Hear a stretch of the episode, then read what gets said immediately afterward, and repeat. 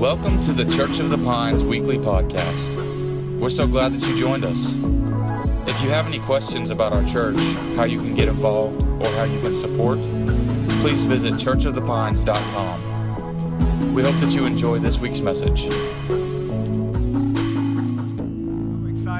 About this series, but our theme verse for this series is out of Proverbs chapter 29 and verse 18. You may be familiar with it in King James Version or New King James Version. It says, Where there is no vision, the people perish.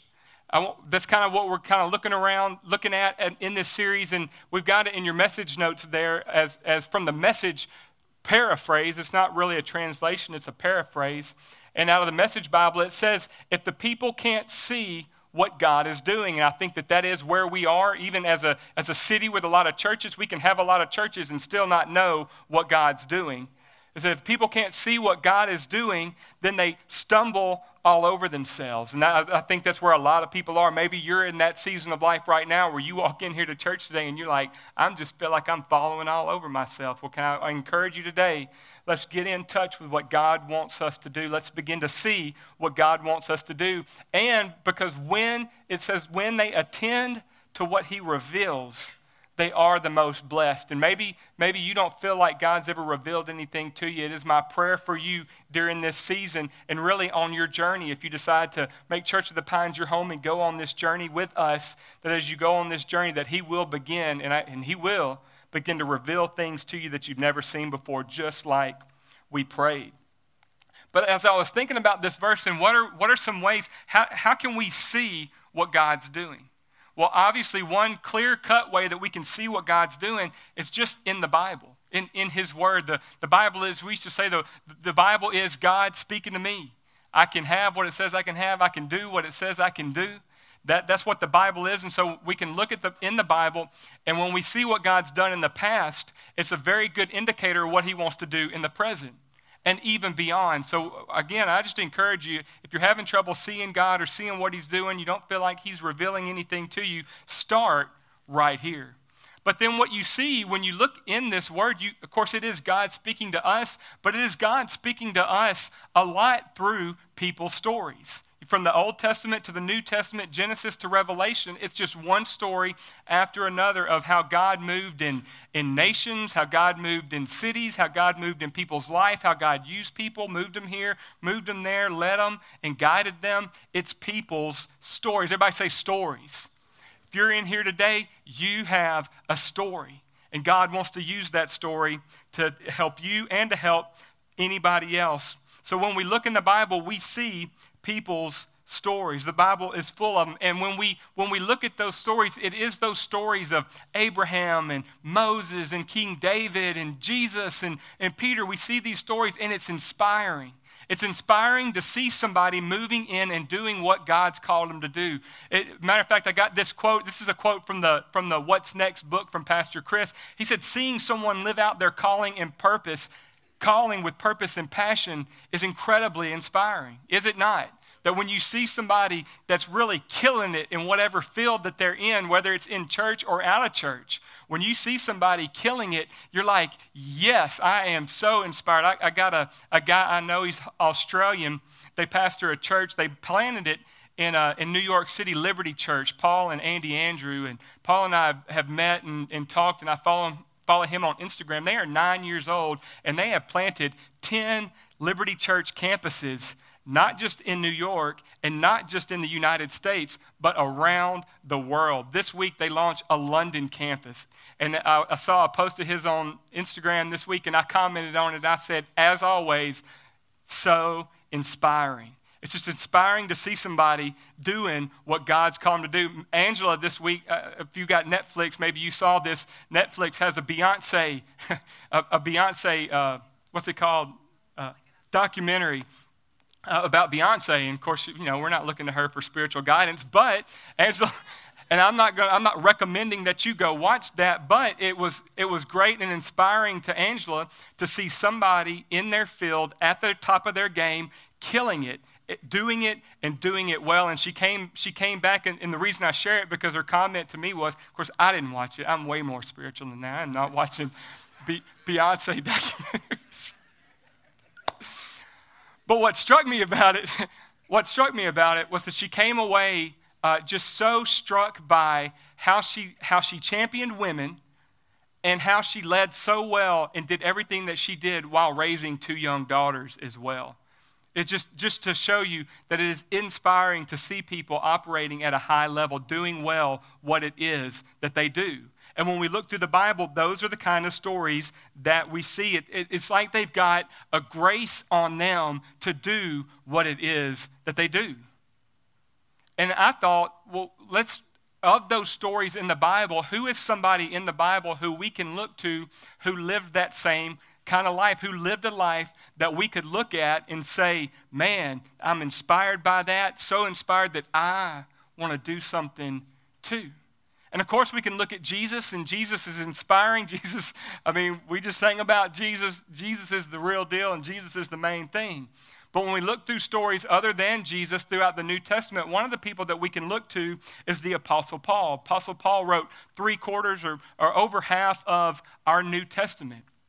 And, and in, his, in his time, before he had an encounter with Jesus, he was at the top of his game. He was doing it well. He was the most religious of the religious people. He was the strictest of the stricted peop- of the strictest people. Like he was killing it. He was doing everything that they were asking him to do, and he was the man. But then he had an encounter with Jesus can tell you, you may be the man in whatever area, you may be the woman in whatever area it is that you're working in and you're doing, but can, can, I, can I ask you, have you had an encounter with Jesus? Because Jesus can take whatever high, whatever mountaintop that you're on today, and he, it may not be that mountaintop, but he wants to put you on one that brings him glory he can change everything in one moment, in one encounter. And that's what happened with the Apostle Paul. And, and if you look, if you got your message notes, you can look there. If you want to open your Bibles, you can open your Bibles. We'll also have it here on the screen out of Ephesians chapter 3. This is Paul writing a letter to a church that he planted in a city called Ephesus. And, in, and I love this whole, it's, it's five chapters. Ephesians is five chapters. Can I give you some homework today? Go home today and read Ephesians. It won't take very long. It'll, it'll empower you to live the life that God's called you to live. And, and he kind of introduces himself in some strong topics in chapters 1 uh, into 3. And then in verse 3, he kind of gives them a little bit of his background. Like you've read chapter 1 and 2, and now you're probably starting to wonder, well, who is this guy to tell me these things? And that's what we find in Ephesians chapter 3. And Paul says that I became a servant of this gospel by God's grace. Notice he says, I became. That means that he wasn't always. And maybe you've been following Jesus. Maybe you've come, come close. Maybe you've been trying to walk this, this road and walk in this relationship, but it just seems like something's always missing. Maybe you think that you're discounted or there's something wrong with, with your life or what you've done, and, and maybe I haven't always lived that way. And you can look at me and say, Well, Les, you've probably always lived that way, so it's easy for you. No, I can tell you, just like Paul says, I became. Today, I want to tell you, you can become. Maybe it hasn't always been so in your life, but it can become that in your life. That's what Paul's saying. He says, I became a servant of this gospel by the gift of God's grace. He said, The gift of God's grace that He has given me through the working of His power. And although I am less than the least of all God's people, this grace, everybody say, this grace. This grace was given to me. Okay, Paul, well, what is the grace that was given to you? He says, I'm so glad you asked. I'm going to tell you. He says, This grace was given to me. I lost my place. To preach to the Gentiles the unsearchable riches of Christ and to make plain to everyone the administration of this mystery for which ages past was kept hidden, who now God, God has created, through whom God has created all things. He says, This grace. I love, I love those two words together. I wonder if we have ever considered God's grace in our lives. Have you ever considered this grace that God has placed in my life? Paul certainly had. As, as he goes on to say, he was formerly uh, really anti God formally against God, formally working against everything that God was trying to do through Jesus' ministry.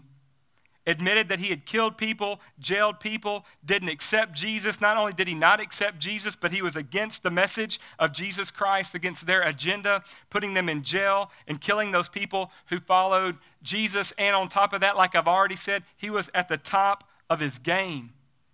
And then he had a, an encounter with Jesus. And he said, This is the grace that God has given to me. The grace that God has given him is, is what I like to say. He kind of details it out, and it sounds really awkward and it sounds really weird. I like to sum it up like this The grace that God gave Paul was to travel the then known world three times, preaching Jesus everywhere that he went, planting churches, and then writing two thirds of the New Testament that we have right now. That was his grace. Can I tell you right this minute? Because we'll look at that, and while it is inspiring, we'll think to ourselves, well, gosh, I'm never going to do that. You know what? You're right. I'm never going to do that either. You know why? Because I know that that is not the grace that God has given me. Paul says, This grace God gave me. Grace, that word, we, we looked at it last week and we look at it a lot uh, here at the church. That word, grace in the Greek, is the word charis. It's where we get the word charismatic. A charismatic, I say it all the time, charismatic is not just somebody who runs around and dances during church services. Charismatic is just somebody who knows the grace, the gift that God's given them, and they operate in that. That's what grace means. It's a, it's a gift. And in this passage, he says, This is the grace that God has given me to preach, to plant churches, to travel the world, and then ultimately to die a ruthless, ruthless death, spent a long time in jail. That was the God, that was the grace that God had given him. And I know in my own life, at 25 years old, I was at the lowest point of my life. And then I, made, I had made a, a bunch of bad decisions. I had done a, a lot of wrong things. And thankfully, I experienced God's grace in my life. At 25 years old, Angela and I met we dated for about a month. Uh, somebody told me God loves you and He has a plan for your life. And I said, He's got a plan. I want it for my life. And we, we took off and we never looked back. And that's how we're standing here today. But can I tell you, it's not easy. And that's why a lot of people aren't doing it. Maybe that's why you're not doing it today. Maybe you've come close, but it got too hard.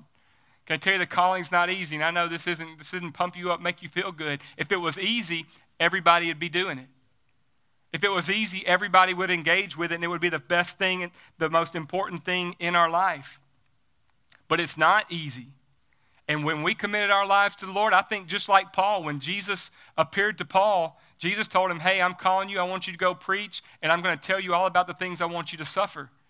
And sometimes we can get excited about going and doing it, and we want to kind of dismiss the suffering part. But there's some hardships in following Jesus. It's not all rainbows and gumdrops there is, there is some challenges to it.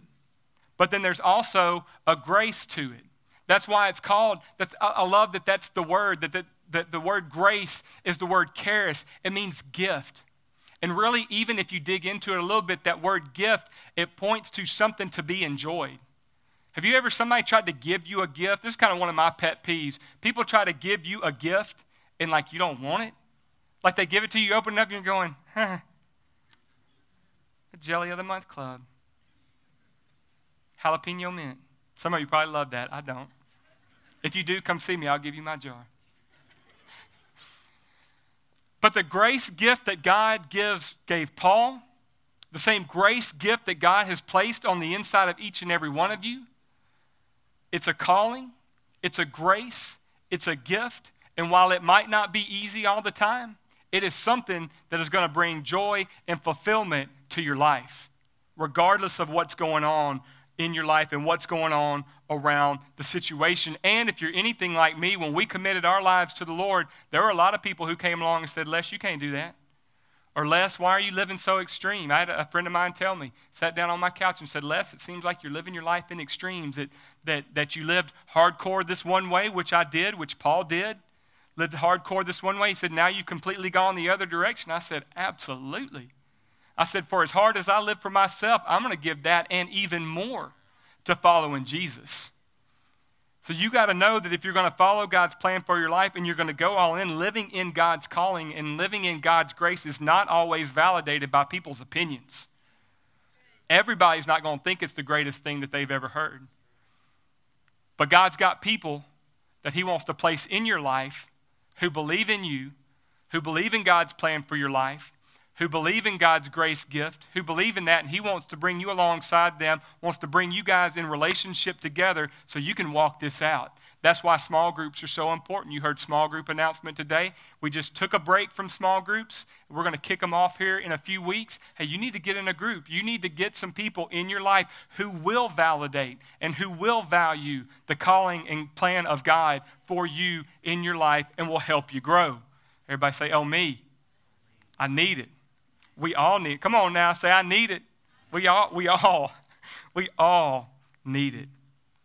And when it com- but when it comes to God's calling and when it comes to God's plan in our lives, there's, there's, different, there's different callings. And I think sometimes, and I want to dispel a couple of things because I think there's some things that can kind of confuse us when it comes to God's calling, God's plan for our life. Because there are some things that we have all been called to right? We've all been called to, and this, this is in your notes, we, we've all been called to salvation, for instance. Like every one of you, every person in this church, every person outside of this church, everyone in the whole big wide world has called to, is called to salvation. Is basically, I that's a fancy word, but it's called to relationship. If you just want to write something out to the side of salvation, you can write relationship. Every one of you have been called into a relationship with God. It's an all call. If you grew up child of the 80s like me, it's an all skate. Like it's everybody, everybody go, everybody is in. 2 Peter 3 9 says that God isn't willing that any are lost, but that all come to repentance. Repentance is the step into relationship with God. I recognize that I've been doing it my own way, been doing my own thing. I'm jacked up, I'm messed up, I've been missing it. I'm turning from that, and I'm running to you, Lord. That's what repentance is. That's the beginning of that relationship. Ephesians 2 8 says that God saved you by his grace when you believed. And you can't take credit from this because it is a gift from God. Look, look at this. You know what's so cool about this verse? It says his grace and gift are both in there, and they're the same word. Same word. The God has given you, God saved you by his own just gift. His relationship is his gift to you.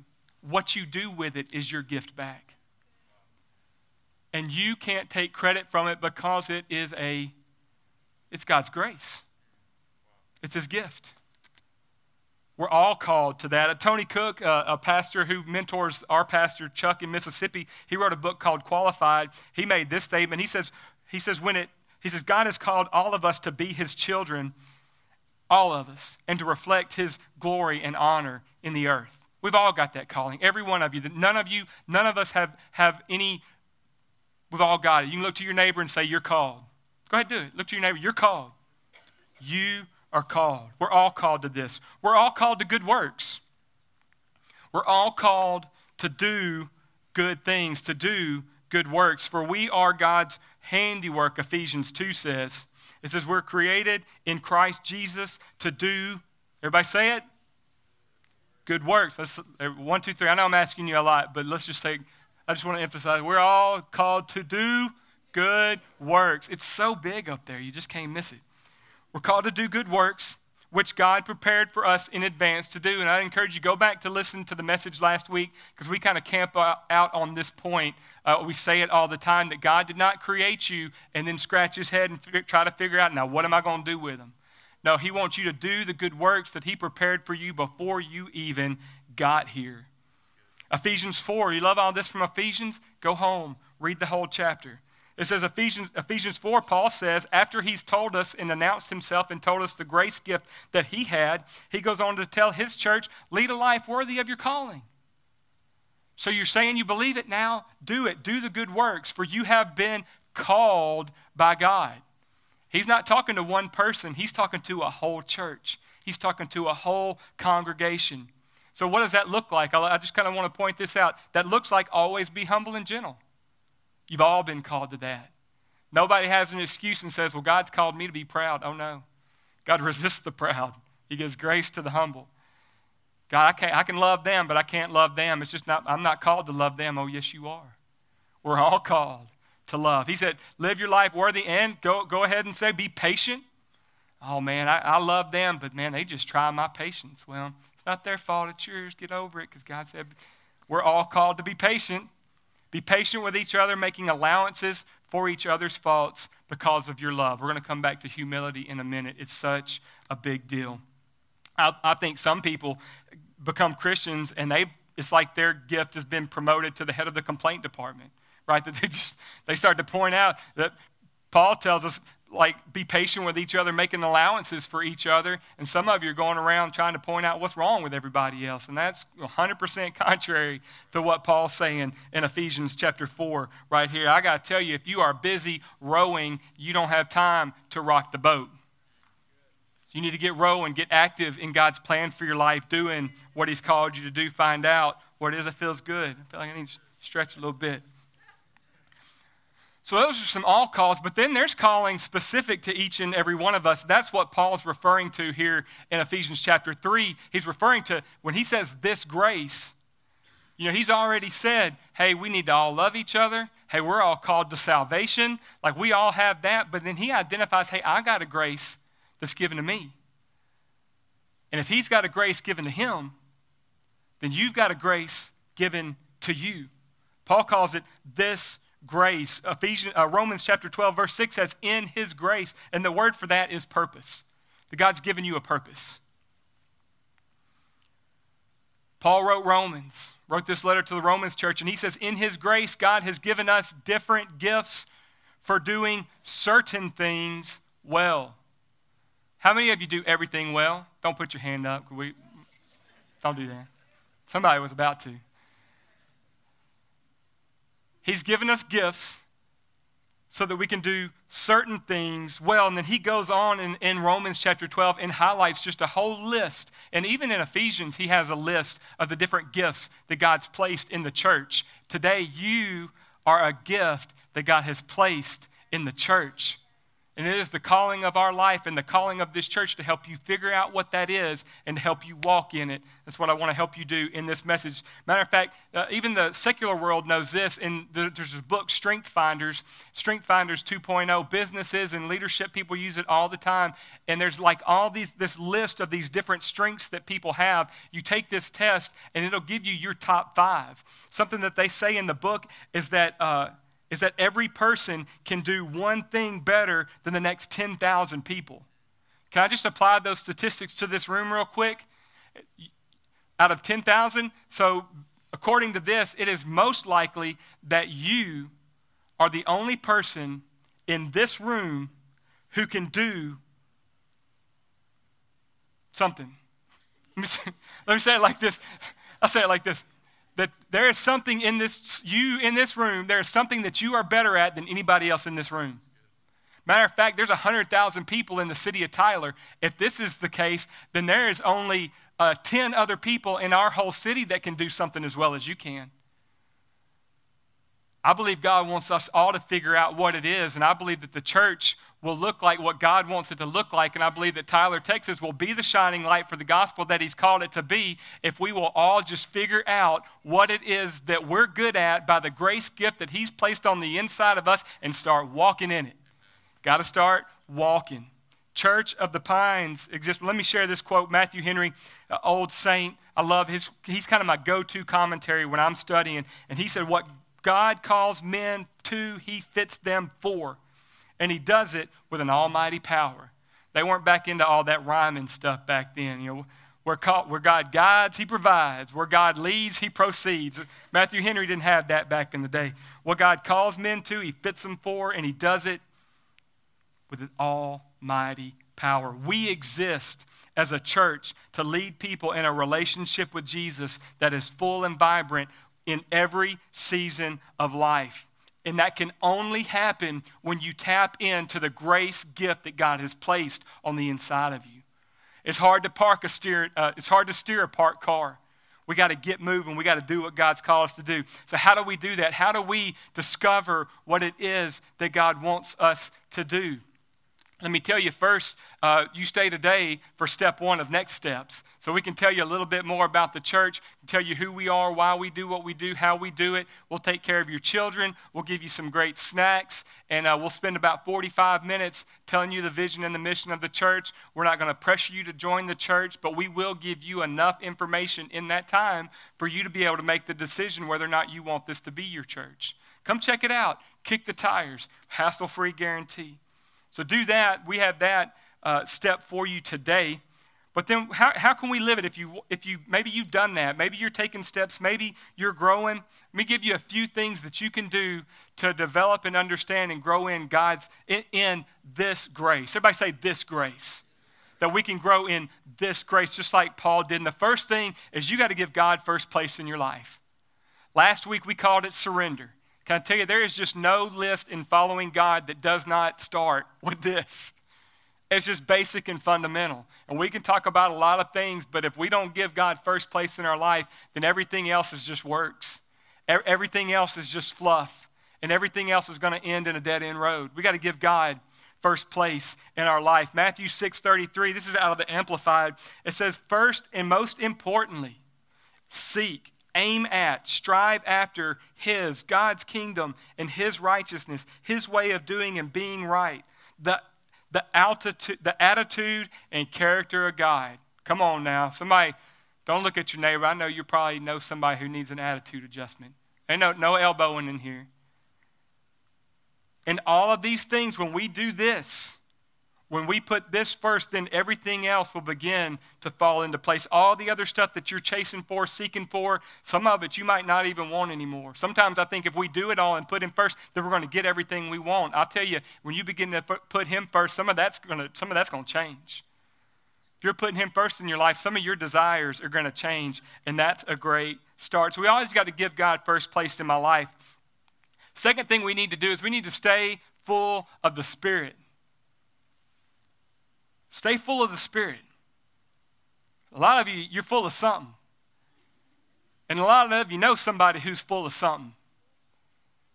And we need to, one, we got this coffee pot out in the, in the lobby. That, isn't that coffee so good? Don't y'all love our porch culture coffee? Man, I could just drink it all day long. So thankful for our team that makes that.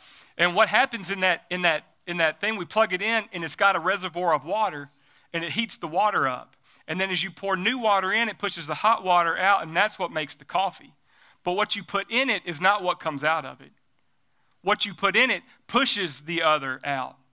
And some of you have been trying for years and years and years to get rid of some of this, whatever you thought was the fill in the blank before I told you it was the Spirit.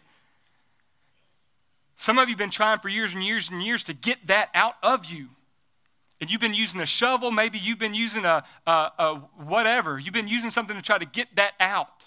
Can I tell you, God doesn't want you to just get out. God wants to give you something else, put something else in you that's going to push that out. And when we begin to allow God's presence and spirit in our life, then that'll push that junk out. Whatever it is that you've been dealing with for years, if we'll begin to become full of His Spirit, it'll push that other junk out. Ephesians 5 17 through 20, it says, Do not be foolish, but understand what the Lord's will is. Well, we're trying. That's what we're doing right now. We're trying to out what, figure out what his will is. It says, Don't get drunk on wine. That leads to debauchery. So there's a good start for you right there. Quit getting drunk. Just black and white, plain and simple. Secondly, he goes on to say, instead of getting drunk, again, put something else in you. You need something in you. He's saying you don't need an empty hole. You're trying to fill something, but you're trying to fill it the wrong way. He says, be filled with the Spirit. How do you do that, Paul? Speaking to one another with psalms, hymns, songs of the Spirit. Sing and make music from your heart to the Lord. Always giving thanks to God the Father for everything in the name of the Lord Jesus. Man, it just makes me think of like the holy rollers from the 70s. I got a friend here in the church, and we talk about the good old days all the time and, and the, the Jesus movement back in the day. And, and I was in Lindale this past week at a prayer meeting, and a lot of those guys, we were on, the, on some of the campuses where some of that happened back in the day. And uh, I saw a guy there, and I was reminded of this. I played golf uh, in a scramble about a, a, year ago, and that's one of those things where you play best ball, you know, four guys kind of playing the same ball all the way through the course. And the guy that puts on that tournament, He's a holy roller from the 70s, and he's just boisterous. Everything is, Amen, praise the Lord, brother. You know, just real demonstrative, but always so encouraging and always has the biggest smile on his face. And I kind of bristle at that a little bit, just to be honest with you. My, my own personality. Don't, don't think too highly of me, because I, I get it wrong plenty of times. But we played this golf tournament, and we got through, and he couldn't find his key. He had lost his keys, but he knew that he, he had a key magnet, you know, one of those magnet key things stuck up under the car. And a couple of people had looked for it, but they couldn't find it. And so we were about to leave, and I just felt like, man, I just let me let me give it a try. I just felt like I owed it to him. Really felt kind of that tug, like do it, you know, get on the ground. So I got down on the ground. I start, I'm up there, kind of looking around. I found it. Thank God I was obedient to do what I felt like God put on my heart to do. So I looked for it. I found it. I gave it to the brother, and man, he like went nuts. He's like, Praise the Lord! I'm serious. We're in the parking lot at a, at a, at a golf course. I am not exaggerating this at all. He, Praise the Lord! He found the key. Hallelujah, brother! I mean, he just ain't scared. Before that, it wasn't surprising, but because for, before that, we were getting ready to eat hamburgers in the, in the clubhouse after the round. And there's some other guys in there eating too that weren't with us. And this is a bunch of pastors and Christian guys. And he says, Hey guys, can I tell you what? Can we just can we sing before we eat?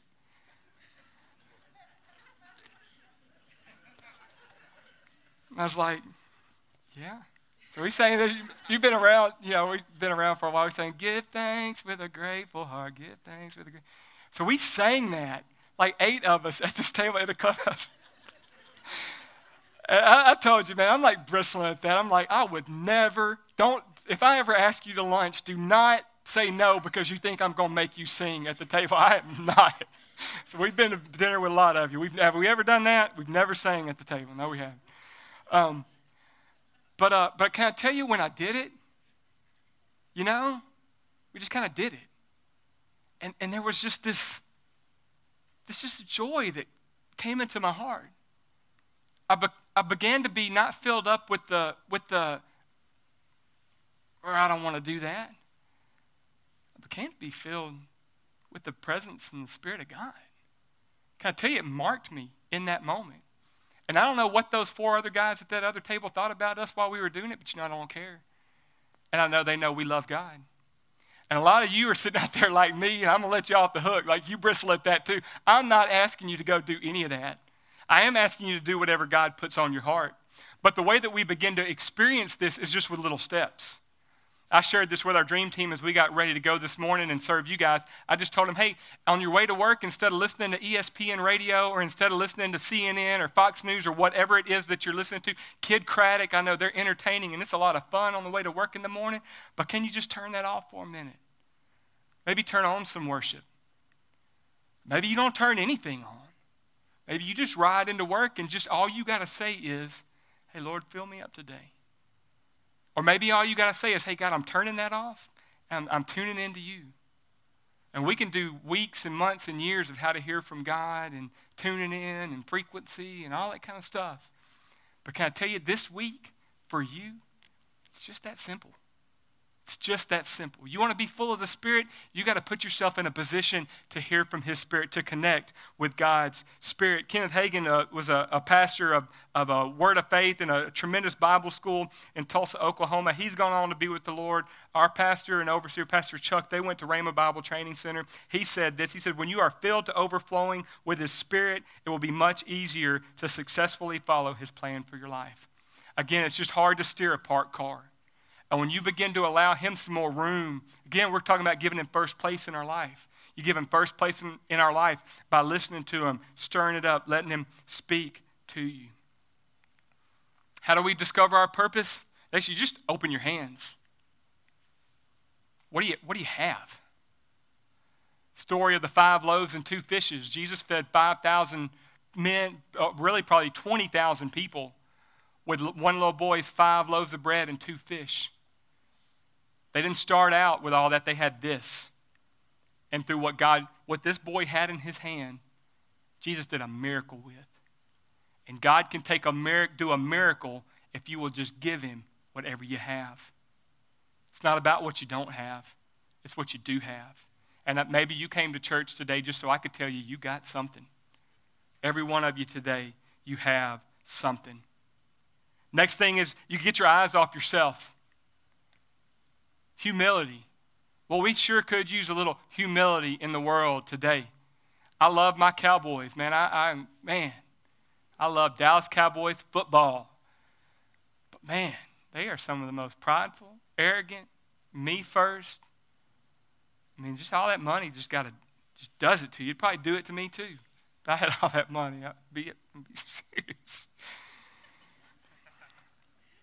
Some of us don't have what God, what we think we want because if God gave us all that money, we wouldn't be here today. We'd be down on the beach somewhere sipping umbrella drinks on the beach instead of being at church on Sunday. But, but God doesn't call you for you, really to the point. Second, Second Chronicles 9 8 this is, this is the queen of Ethiopia speaking to Solomon, the king of Israel. She says, Praise be to the Lord your God, who has delighted in you and placed you on his throne as king to rule the Lord your God. And because of the love that your God had for you, is that what she said? Because you're so awesome and you're so great and you're such a great leader and a godly man, God put you on, his, on this throne. That is not what she said. She said, Because God so loves his people, he gave you to be their king humility. God doesn't call you for you. Thomas à Kempis, I've got this quote I'd, I'd, love to share with you. 13th century monk wrote a great book called The Imitation of Christ. It's one of the most read books, Christian books. It's a very easy read. I encourage you to take a minute and read through it. But when it comes to humility, he said this He said, Do not be proud, therefore, because of your learning and skill, but rather fear because of the talent that God's given you. Because what He's given you, you're responsible for. Parents, You've got a great responsibility to raise your children up. Employers, you've got a tremendous responsibility to lead your, your business well. Husbands, you've got an incredible responsibility to lead your spouse and love your spouse. Wives, you've got a tremendous responsibility to take care of this person that's with you. I know fear, I, I, we don't like that word fear, but the more that God has given us responsibility for, the more we need to embrace it, take it seriously, and say, God, what do you want me to do with it? We talked about this last week, but there's two judgments. You're going to get to heaven, and God's going to say, Hey, what'd you do with this relationship with my son? And if you answer that question right and you say, I, I, I'm in relationship and he knows you, the second question you're going to get is, What'd you do with what I gave you? And, and it, does not, it does not determine our eternity. It determines what we do in eternity. It determines our eternal reward. It's what we do. What did you do with what God's given you? It's not about us, it's about them. It's about the people that God has placed in your life. And then lastly, if you want to discover your purpose and begin to walk in this, can I tell you, just say yes. Angela and I were talking this week, and we were talking about a, a, friend of ours, and I said, You know what? I just believe in my heart that they should just become a person who just says yes. So often we're just kind of like,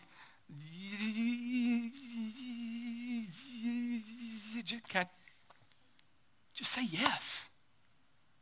I don't know if you'll like it. You don't know if you'll like it. And if you never do it, you sure won't know. I mean, I'm not talking about like sinning now. Come on. Not, I'm not talking about somebody invites you to go smoke marijuana to go do. That's not, don't say yes. You, you know what I'm saying. That when it comes to God and His call for our life and what He's calling us to do and this grace that He's placed on us, that He's trying to bring up out of us, man, just say yes. Just say yes. Isaiah 6 8, when God, Isaiah heard God calling, he heard that it was God. He says, Who am I going to send and who's going to go? And Isaiah says, Here I am. Send me. And whatever it is in your life, whatever area it is, I want to encourage you today. Just say yes. Just like me, you don't know what, what's coming up, what's coming down the road. You don't know what, nobody does. But if you'll say yes to the one who does know, and you can't lose. You can't lose. Daniel, I'm going to ask Daniel to come on up and we're going to close. But really, my prayer for you, I'm going to put this quote up. We'll close with this. My prayer for you is that you are able to say, just like the Apostle Paul said, read this out loud with me. I became a servant of this gospel by the gift of God's grace given me through the working of his power And although I am less than the least of all the Lord's people, this grace was given me too. And then you got to fill in the blank. You got to fill in the blank. I can't tell you what that is. I can help lead you into that. And I believe, as the pastor of this church, that's what God's called me here to do, is to help lead you into that. But really, you need to take some of these steps that I've given you today to begin to understand what, what needs to go in that blank so that you can say this last sentence, which is the title of the message today. I was made for this. You know, that's the T-shirt that we give our dream team. That's our well, kind of what our, our, volunteer team at the church. That's part of what Next Steps is all about. Is helping get you to be a part of a team. And when you finish those four steps, we give you a T-shirt, just like the one that Stephanie was wearing in the news this morning, and it says, "I was made for this." And my prayer for each and every one of you is that sometime between now and I guess the time we leave this earth, but I'm going to tell you the sooner the better, that you're able to say exactly what Paul said about himself and be able to say, I was made for this. Would you bow your head and close your eyes? Before we go today, I just want to make sure that everybody in here has got the first step right. The first step we talked about was giving Jesus first place in my life. Can you tell you, if you have not been empowered by the relation, this relationship with Jesus, then all the rest of this is going to fall flat. And I don't know all of you. I don't know where you are in that relationship. But I want to leave today making sure that I give you an opportunity to step into that. So with every head bowed and every eye closed, if you're in here and you don't know that you are in relationship, like if you got to heaven, just like I was talking about, and God says, Why should I let you into heaven? What are you going to say? You're going to say, Well, I was a pretty good person the good in my life outweighs the bad, so I, let me in. Say, well, I'm from Tyler, Texas. We're in the Bible Belt, and we got 400 churches. So, I mean, I'm, I'm a Christian. You say, uh, you know, God bless America. It's the most Christian nation in the world, so I'm a, I'm a U.S. citizen, so I'm a Christian. Maybe I grew up at Vacation Bible School. My, my grandma drugged me to church every weekend. And, you know, you could have even walked an aisle and prayed a prayer. That does not mean today that you are in relationship with Lord with the Lord. So what I want to do, if you if you have been uh, if you identify with any of those answers and you've been trusting in any of those things as opposed to a full and vibrant relationship, as we've kind of talked about today, if you've been trusting in any of those ways for that relationship, I want you to let me know. I'm gonna count to three. I'm gonna clap my hands. I want you to lift yours. Every head's bowed, every eye's closed. We're not gonna bring you to the front. We're not gonna bring any attention to you. This is between you and the Lord. But I want to know who I'm praying with. If that's you and you need to walk out of here in confidence of that relationship, on three, clap, raise your hand. One, two, three. Anybody in here today? Thank you. I see your hand. Thank you. I see yours. Thank you. Thank you. I see your hands. Anybody join these? Awesome. Awesome. Awesome. Why don't we all pray this prayer out loud together? Dear Heavenly Father, I thank you for Jesus. I believe that He died on the cross for my sins. I believe that you raised Him from the dead. Today, Jesus, I give you first place in my life. Lead me and guide me. I am yours. In Jesus' name, amen. Come on, church. Let's celebrate all those who made that decision today.